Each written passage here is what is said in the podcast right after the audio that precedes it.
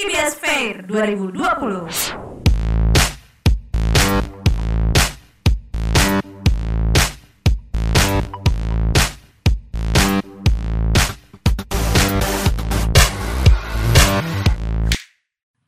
Hai semua manusia hebat, apa kabar?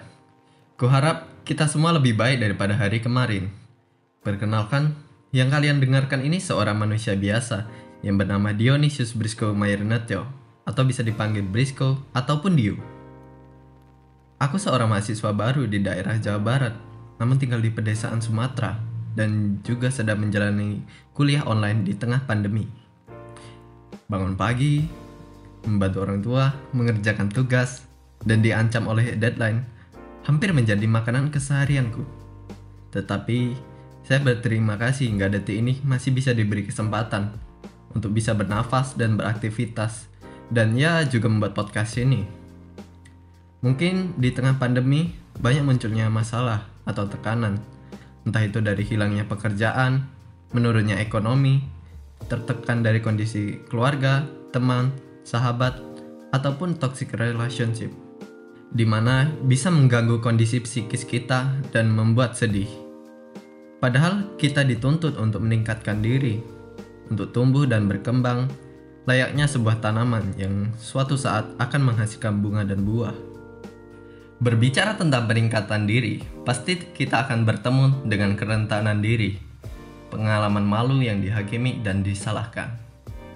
Memahami perbedaan antara upaya peningkatan diri yang sehat dan perfeksionisme akan sangat penting untuk menjadi perisai hidup kita. Sebenarnya, menjadi perfeksionisme menghambat keberhasilan dan melumpuhkan hidup. Ya, melumpuhkan hidup.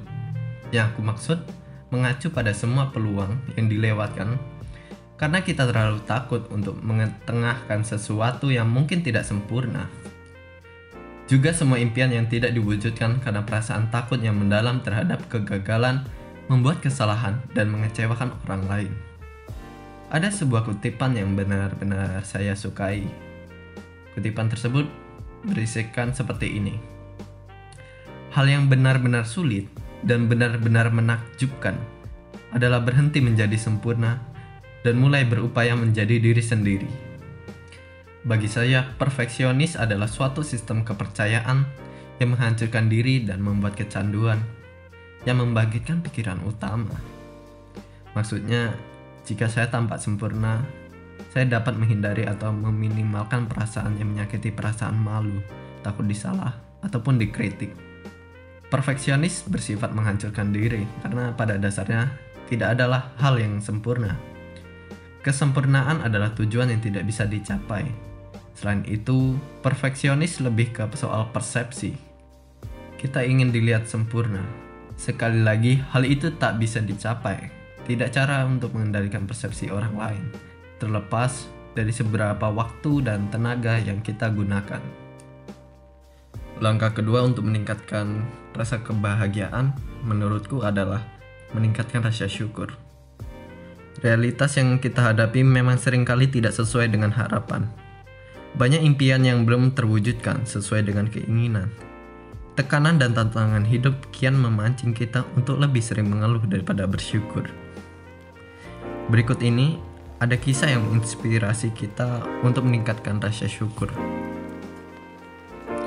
diceritakan tentang seorang pengemis buta yang memegang sebuah papan kecil. Saya buta, tolong bantulah. Banyak tulisan itu. Sayangnya, banyak orang yang sudah berlalu lalang di depannya, tetapi sangat sedikit orang yang rela membagikan recehan mereka kepada pengemis tersebut. Seorang pemuda memandang penuh iba, lalu berinisiatif mengganti tulisan di papan tulis tersebut. Tak berserang lama, hampir semua orang yang lewat selalu membagikan uang mereka. Sungguh dahsyat kekuatan kalimat yang ditulis pemuda itu, sehingga membuat hati orang banyak tersentuh. Hari ini sangat indah sekali, tapi saya tidak bisa melihat. Itulah bunyi kalimat yang penuh dengan rasa syukur. Dari kisah tersebut, saya ingin mengatakan bahwa sikap dan kata-kata yang muncul dari hati penuh rasa syukur akan berbeda. Sikap dan kata-kata itu akan terasa lebih indah Itulah mengapa kita perlu membiasakan diri bersyukur kepada Tuhan setiap hari. Bersyukur berarti berterima kasih kepada Tuhan atas nikmat dan kemurahannya.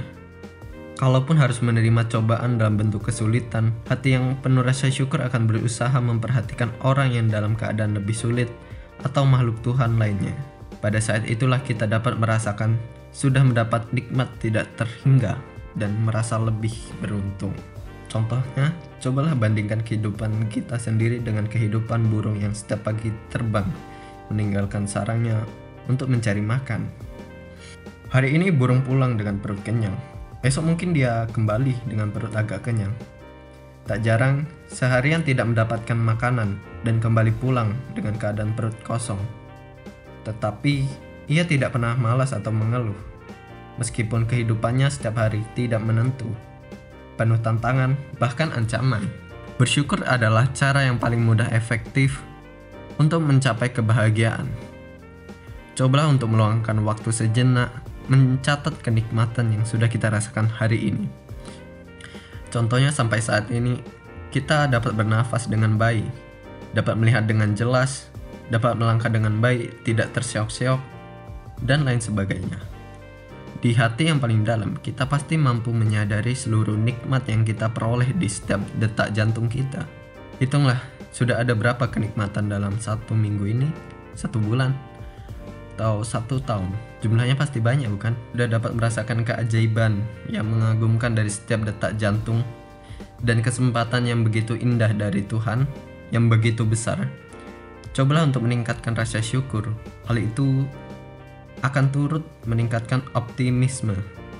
Semangat kita juga akan terpacu untuk menggunakan kesempatan yang masih kita miliki untuk melakukan berbagai aktivitas positif, misalnya untuk meningkatkan kualitas kesehatan, kondisi keuangan, ke kehidupan sosial, spiritual, pekerjaan, dan lain sebagainya. Berusahalah untuk meningkatkan rasa syukur terhadap Tuhan. Karena semakin kita pintar mensyukuri karunia-Nya, semakin mudah kita melawan depresi.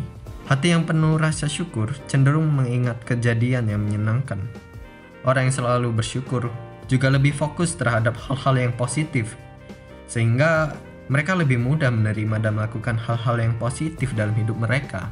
Sibukkan pikiran dengan begitu banyak kenikmatan yang telah kita terima, dan mengagumi begitu indah anugerah Tuhan yang selama ini kita nikmati. Ungkapkan rasa syukur atas semua kenikmatan yang kita rasakan melalui doa dan kata-kata yang baik. Aktifkanlah seluruh potensi yang ada dalam diri kita untuk melakukan aktivitas yang positif semata-mata karena rasa berterima kasih kepada Tuhan atas semua kemudahan dan kenikmatan yang kita rasakan sepanjang hari ini. Semakin kita pandai mensyukuri nikmat karunia Tuhan, kita akan semakin mudah menciptakan perubahan luar biasa. Misalnya hidup lebih tenang, perasaan lebih peka, penampilan lebih segar dan menyenangkan, serta hidup lebih bahagia. Meskipun kenyataan yang kita terima tidak sempurna seperti yang kita inginkan, jangan pernah mengurangi rasa syukur kepada Tuhan. Zigzar mengatakan, semakin Anda mengungkapkan rasa syukur atas semua yang Anda miliki, Anda harus merasa lebih bersyukur. Poin ketiga untuk menjadi lebih bahagia adalah menikmati kehidupan. Salah satu langkah untuk menikmati kehidupan ini adalah selalu mensyukuri karunia kehidupan dari Tuhan. Apakah kita semua sedang bahagia atau mengalami kepedihan, berusahalah untuk selalu berpikir positif bahwa Tuhan selalu memberikan yang terbaik. Tanpa kita sadari, sebenarnya selalu ada solusi di balik semua kesulitan dan manfaat yang ditujukan untuk kebaikan kita. Kita juga dapat menikmati kehidupan ini dengan mengingat kembali keberhasilan yang sudah kita ciptakan. Cara ini juga dapat membantu kita memfokuskan diri kepada hal-hal positif di dalam diri kita sehingga timbul semangat yang lebih besar untuk melaksanakan tanggung jawab sebaik mungkin dengan mengerahkan potensi diri yang ada. Sebuah pepatah bijak mengatakan, ketika kita sudah mampu melakukan yang terbaik, maka kita tidak akan pernah menyadari keajaiban yang akan terjadi dalam kehidupan kita atau dalam kehidupan orang lain. Cara lain yang masuk kategori paling indah untuk menikmati kehidupan ini adalah berbagi untuk orang-orang yang kurang beruntung. Prestasi manusia yang paling berharga adalah prestasi-prestasi yang bermanfaat bagi kehidupan sosial, kata Alfred Adler. kalaupun kemampuan Anda terbatas, berikanlah saja rasa persaudaraan yang tulus atau kegembiraan untuk orang lain. Bersabar dan berlapang dada adalah salah satu cara yang paling efektif untuk menikmati kehidupan ini. Meskipun mungkin sikap tersebut paling sulit dilakukan, itulah beberapa cara untuk menikmati kehidupan ini. Tetapi sebenarnya masih banyak cara positif untuk menikmati kehidupan ini, karena Tuhan merancangkan kehidupan ini hanya untuk kebaikan manusia. Jadi, selamat menikmati kehidupan, karena siapa pun Anda berhak untuk mendapatkannya. Selalu ingat tiga langkah ini untuk menjadi bahagia di hidup ini. Yang pertama, melepaskan rasa perfeksionisme. Yang kedua, bersyukur. Dan yang ketiga, menikmati hidup. Saya harap hal ini bermanfaat bagi kita dan thank you.